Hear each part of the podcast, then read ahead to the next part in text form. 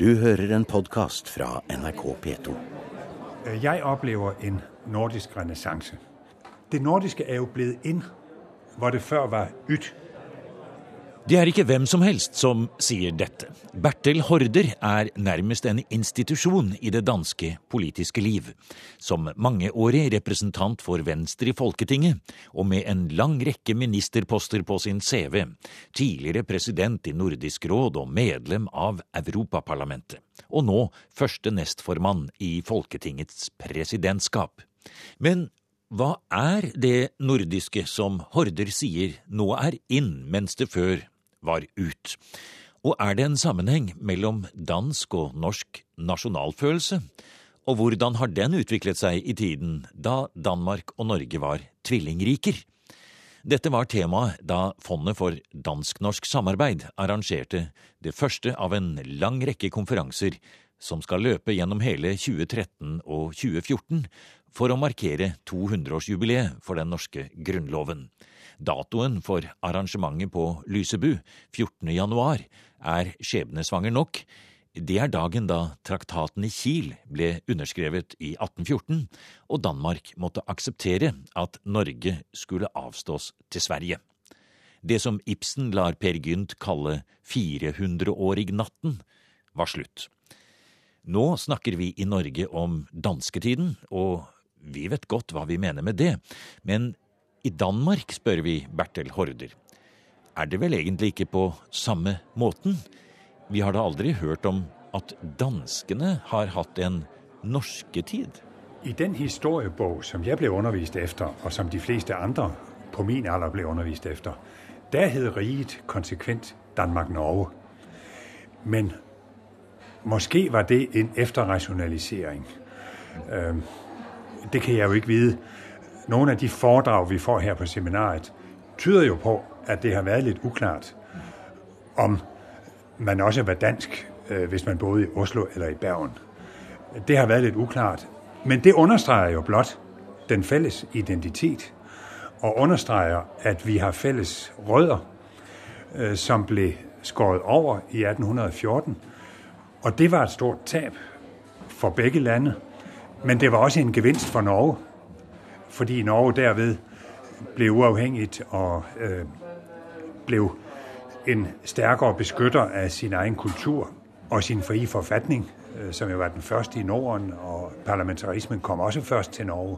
Så vi feirer jo simpelthen øh, det at Norge ble selvstendig, fikk sin egen forfatning, ble ikke en del av Sverige, øh, og derved ble en fullstendig likeverdig samarbeidspartner i det nordiske samarbeidet. Et stort tap for Danmark, men en gevinst for Norge, da de formelle båndene mellom tvillingrikene ble skåret over i 1814, sier Bertil Horder. For Norge fikk sin egen grunnlov og en sterk demokratisk selvfølelse, selve forutsetningen for et nordisk samarbeid. Men hva skal vi bruke de felles historiske røtter til? Hva er det man samarbeider om? Og er virkelig det nordiske blitt inn og moderne?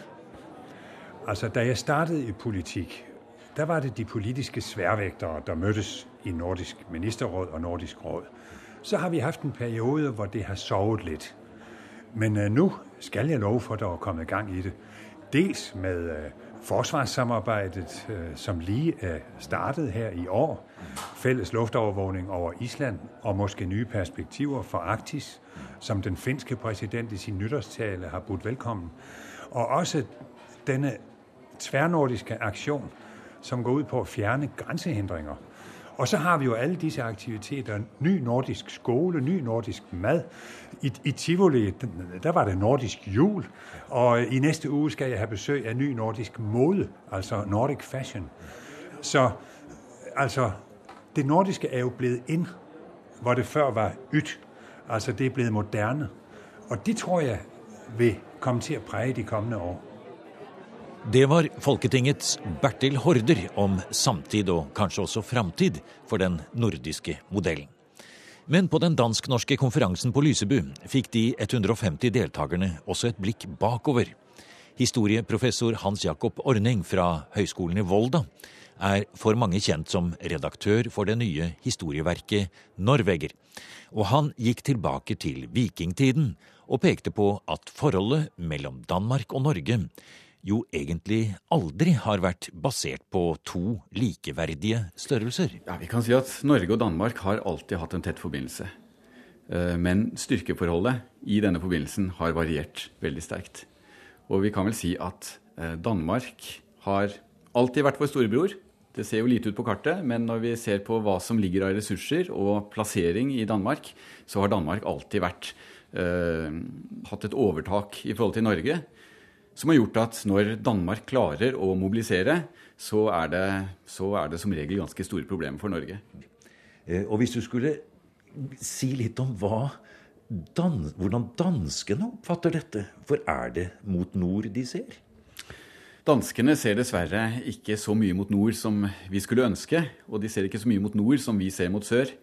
For Danmark er selvfølgelig et sted som ligger veldig tett inntil eh, resten av Europa. Og ikke minst altså da det som er Frankrike og det som blir det tysk-romerske keiserriket. Så Danmark, at Danmark i det hele tatt har overlevd gjennom disse århundrene, er jo litt av en prestasjon. For de har til stadighet vært presset sydfra. Og blir de presset sydfra, så har Danmark to alternativer. Det er vinn eller forsvinn. Og vi vet jo at de forsvinner ikke. De, de, vinner ikke alltid, for de blir ikke så mye større og de har mistet områder, men de har alltid klart å stå imot. Og når Danmark blir presset fra eh, Karl den store, fra Otto den store, fra Fredrik Barbarossa, så klarer de å mobilisere så mye at eh, de gjerne også inntar en dominerende stilling i Norden. Slik at de storhetsperiodene vi har i Norge, det er ofte perioder hvor Danmark ikke har klart å gjøre seg gjeldende. Og så er jo vi nordmenn så opptatt av vår norske identitet. Og på dette seminaret så er det diskutert hva er norsk identitet, og hva er den danske identiteten. Og alle er enige om at det henger litt sammen med hverandre. Men hvor viktig er det egentlig, Ordning, å trekke frem nasjonal identitet når vi snakker middelalder og i perioden i hvert fall frem til reformasjonen? Nasjonal identitet har jo vært et nøkkelspørsmål fra dag én i norsk historieforskning. Og ikke bare i moderne historieforskning. Altså Allerede Snorre eh, skryter jo hemningsløst over de norske kongene, som jo er hans oppdragsgivere, riktignok. Eh, slik at jeg har fulgt historiefaget, og selvfølgelig fra 1800-tallet, hvor det ble viktig i Norge å, å finne fram til storhetstiden, og slik det har vært i alle land som, som, får, en, som får, selvstendighet, så, så, går man til historien for å finne fram til til hva som, eh, hva som kan være storets, store perioder. I dag må vi kunne si at, at, det er et felt som er blitt vektlagt i veldig stor grad, og langt større grad enn hva man egentlig skulle tilsi når, når du ser på hvordan middelaldersamfunnet er. Kongemakten i middelalderen er, er en veldig tynn hinne som ligger over et eh, heterogent og uh, selvhjulpent lokalsamfunn. Kongemakten har noen hundre ombudsmenn som skal sitte ute i bygdene. Men spørsmålet om hvor mye de gjør seg gjeldende i disse bygdene, er jo veldig uvisst. Og det som er helt klart, er at middelaldersamfunnet er jo i bunn og grunn et selvbergingssamfunn. Det er et samfunn hvor du skal produsere litt mer enn det du trenger selv, men ikke veldig mye mer. Du skal produsere så du har nok til å betale tiende, til å betale skatter, til å betale til jordherren, men det er basically så er det selvforsyning. Og det er et samfunn som har såpass lavt teknologisk nivå at, at en faktor som må regnes som langt viktigere, er det som handler om universets mening, om å skape mening i menneskelivet, om å, om å, finne tegn i naturen på hvordan ting går. Og der er det jo ikke kongen man tyr til, der er det kirken. Og kirken i en slags kombinasjon med magi. Med førkristne forestillinger, med, med, forestillinger som er veldig vagt definerte. Ja, Noen har jo selv ment at uh, katolske kirken er er gjennomsyret av magi i middelalderen. Så her er, her er også skillelinjene veldig, veldig uh, vage. Og kirkens betydning er nok den som virkelig er blitt undervurdert uh, i historieforskningen i moderne tid. Så når vi da snakker om identitet, så eh, er det vanlig at vi i dag vi snakker om den nasjonale identiteten. Slik tenker vi nå. Men det du sier nå, Ordning, det er jo mer at den universelle identiteten, altså, og den helt lokale, er kanskje viktigere for de som lever og bor i middelalderen. Det at man er en del av et stort kirkesamfunn. Det at man forholder seg til sin lokale dyrkingstradisjon og ettersamfunnet, betyr kanskje mye mer og kanskje dette med den nasjonale identiteten er en konstruksjon som vi hadde bruk for i 1814 og 1905? Nå skal jeg ikke gå så langt som å si at nasjonale identiteten ikke finnes, for den finnes. Men det er noe med at mennesker har mange identiteter. Og spørsmålet er jo da eh, hvor viktige de er, eh, hvilke funksjoner de fyller. Eh, og der vil jeg mene at vi har fått vanligvis høre mye om, om det nasjonale og kanskje i mindre grad om på hvilken måte det er viktig. Kåre Lunden hadde en veldig interessant gjennomgang av dette og sa at den nasjonale identiteten for folk flest, vel, det må være den måten statsmakten gjør seg gjeldende på. Det er leidang, leidangskatt. Så det er en identitet som er påtvungen. Det er ikke en frivillig identitet, det er en identitet du får gjennom at det er et krav som stilles til deg. Men den er selvfølgelig eh, Hvor ofte blir man utskrevet i leidang, eller betaler leidangskatt? det er jo eh, langt mindre viktig foreteelse enn alt det andre menneskelivet handler om. Så eh, mennesker har mange identiteter, hvorav den nasjonale er én, men ikke den viktigste. Men da kan vi se på en av de identitetene en nordmann kunne ha i dansketiden. For fedrelandet, det var vel norsk? Eller kanskje ikke, sier historiker Morten Nordhagen Ottosen. I virkeligheten var det vel slik at hvis man var født og oppvokst i Norge, så var man i grunnen både norsk og dansk. Det lever side om side, og det man jo egentlig får, er jo først et fedrelandsbegrep som er veldig sterkt knyttet til Danmark. Altså man er dansk ikke i en nasjonal forstand, men i forstand av å være borger i staten.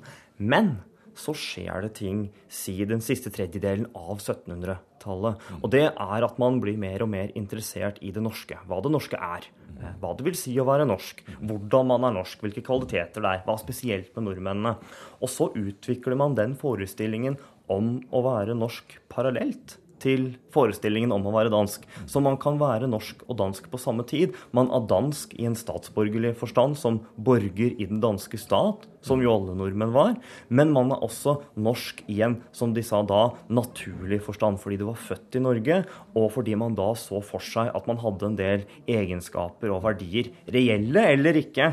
Så det man ser når man går tilbake til den perioden, og spesielt fra midten av 1700-tallet og ja, frem til ca. 1800, det er jo et begrep om fedrelandet, som både er i endring, men som jo er noe ganske annet i den perioden.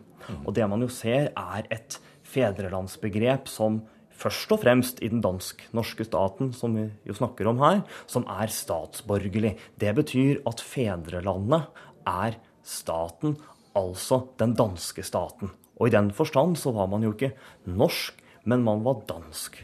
Og det var jo noe man, eh, i hvert fall i de øverste sjiktene av det norske samfunnet, ikke hadde noe problem med å identifisere seg som. Men dette forandrer seg jo gradvis fram mot slutten av 1700-tallet. Da vokser det fram en mer og mer tydelig bevissthet om det norske. Nesten som en ideologi i perioden rundt 1814, sier Morten Nordhagen Ottosen. Og det betyr, mener jeg, at det er først da man kan begynne å bruke nasjonsbegrepet sånn som vi forstår det i dag. Det ville være veldig fremmed før den perioden. Både eh, i forhold til hva man forstår som en nasjon, men også hvor viktig den nasjonale identiteten skal være. Man får kort og greit en mer kompleks nasjonal identitet som begynner å bety mer i menneskers dagligliv. Smått om senn, først frem mot 1814, og så med ganske sterk styrke gjennom hele 1800-tallet, hvor man får den moderne massenasjonalismen. Fondet for dansk-norsk samarbeid, forsterket med både Stortinget, Folketinget og Norges forskningsråd, skal i løpet av en toårsperiode ta opp en lang rekke av alt som preget skilsmissen mellom Norge og Danmark. 434 års ekteskap, fulgt av snart 200 år med godt naboskap, det må sette sine spor. Dansk og norsk identitet var temaet på det første seminaret. Og selv om den norske identitet og selvfølelse var på stigende kurs utover på 1700-tallet, og ikke minst gjennom 1800-tallet, så var det ikke på den måten på 1600-tallet, sier historiker Erik Oppsal fra NTNU. Da betød København alt for eliten. Det er klart, som du sier, 1600-1700-tallet da er det slik at eh, staten, eller den eneveldige kongemakta, rent formelt poengterer jo veldig at det finnes et Danmark og et Norge. Men dets, dets praksis, dets politikk, går ut på ikke til for enhver pris, men å strømlinjeforme staten mest mulig, modernisere den i en viss forstand, som var et vanlig trekk i datidas Europa. Så, og Der har det også vært et poeng da at en allerede for langt tilbake nok har greid å skjelne mellom det som eventuelt er dansk tale, og det som er norsk tale. Altså Skriftspråket ble nok kalt oppfatta som dansk, men talespråket kunne skjelne. Samtidig så var det også slik at det var en elite i Norge som i stor grad etablerte seg, enten den var innfødt eller kom utenfra, levde i Norge, virka i Norge og fikk interessene her. Og Dermed var det, det ofte for dem da et problem at Nettopp for å få et embete så burde du fysisk oppholde deg i Danmark, rettere sagt nærmere København. I det minste ha de rette kontaktene der. Så Norge ble på mange måter en, en provins, som det formelt ikke var en provins. Så hadde mange måter i praksis en provins. da. Mm. du hadde et ganske synes jeg, morsomt og interessant eksempel i innlegget ditt her når det gjaldt nettopp dette med å motta embetsmenn som da hadde vært i København fått sine skal vi si, forbindelser bekreftet og blitt utnevnt til et embete. Og så reiser man da til Norge. Der finner man den fattige bondebefolkningen som nå lurer på hva slags eh, nær sagt utyske man har sendt opp fra Danmark denne gang. Så hadde du et eksempel på en person som blir sorenskriver i, eh, i, i Trøndelagsområdet i faktisk i 40 år. Men dette er ikke noe typisk adelsmann som har eh, kranglet seg til en posisjon i København. For når han kommer oppover, så kommer han med en bakgrunn som selv et helt alminnelig, vanlig menneske. Det er riktig. Den aktuelle mannen var da Mathias Skånund, altså opprinnelig en skåning, derav navnet, som hadde gjort tjeneste hos eh, danske adelsmenn, og en periode også hos eh, kongens uekte sønn. Dermed hadde han fått da sorenskriverembetet i Norge uten å vite verken hva et sorenskriverembete var, eller hva den norske loven gikk ut på. Men han kom uh, ukyndig, men åpen, og ble faktisk slo seg ned, typisk nok. Han gifte seg norsk kort tid etter at han, etter at han kom til sitt sorenskriverembete i Orkdalen i Trøndelag, og ble bosatt seg der og døde og ble begravd i Norge etter å ha virka i 40 år, faktisk. Så han var et typisk eksempel på en utlending som vandra, og som etablerte seg for godt i Norge. Som de fleste over tid etter hvert eh, av disse sorenskrivere og futene. Mange av dem var opprinnelige utlendinger, men de etablerte seg. Det var det sjiktet, mer enn toppsjiktet av la oss si, danske eller andre utlendinger, som ble de, skal vi si, etablerte seg og ga bidrag til den nye eliten, som vi kan kalle i en viss forstand den dansk-norske eliten i løpet av unionstida. Altså. Norsk talespråk kunne det nok være snakk om i dansketiden, men noe eget skriftspråk hadde man ikke i 1814. Og lenge etter skilsmissen fra Danmark fortsatte den danske høykultur og skriftspråk å påvirke den norske identiteten. Det ble et stort problem for mange nordmenn gjennom hele 1800-tallet og langt inn på 1900-tallet, sier professor Øystein Sørensen. Hva skulle man gjøre med skriftspråket? Som vi vet, så laget Ivar Aasen eh, et eget, konstruerte et eget eh, rent norsk skriftspråk som alternativ til det dominerende danske skriftspråket. Men det danske skriftspråket det satt fortsatt så hardt i at det var ikke bare å erstatte det uten videre. Og på 1900-tallet de første tiårene i hvert fall av 1900-tallet, eh, så ble språkstriden den helt dominerende kulturkonflikten i Norge. Tilhengerne av Aasens landsmål, med forfatteren Arne Garborg i spissen, mente at de som ikke gikk over til landsmål og skrev det, de var ikke egentlige norske. I hvert fall ikke fullt ut norske. De var fortsatt delvis danske i hodet. Og oppgaven for den såkalte norskdomsrørsla ble å fjerne alle trekk av dansk kultur i uh, Norge, og særlig å erstatte det danske språket med et rent norsk skriftspråk.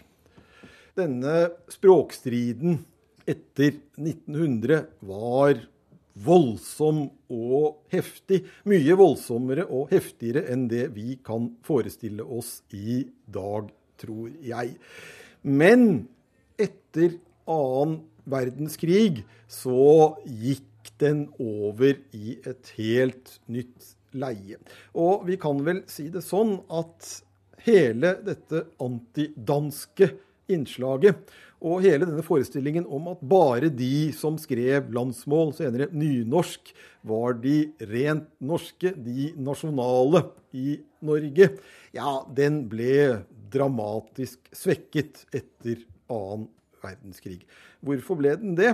Jo, fordi det å være nasjonal i Norge under den tyske okkupasjonen og i motstand mot NS-regimet, det fikk en helt annen betydning enn hva slags språk man foretrakk å skrive. Og det var ingen som kunne beskylde en mann som Arnulf Øverland f.eks., som ble formann i Riksmålsforbundet etter 1945, for å være unasjonal.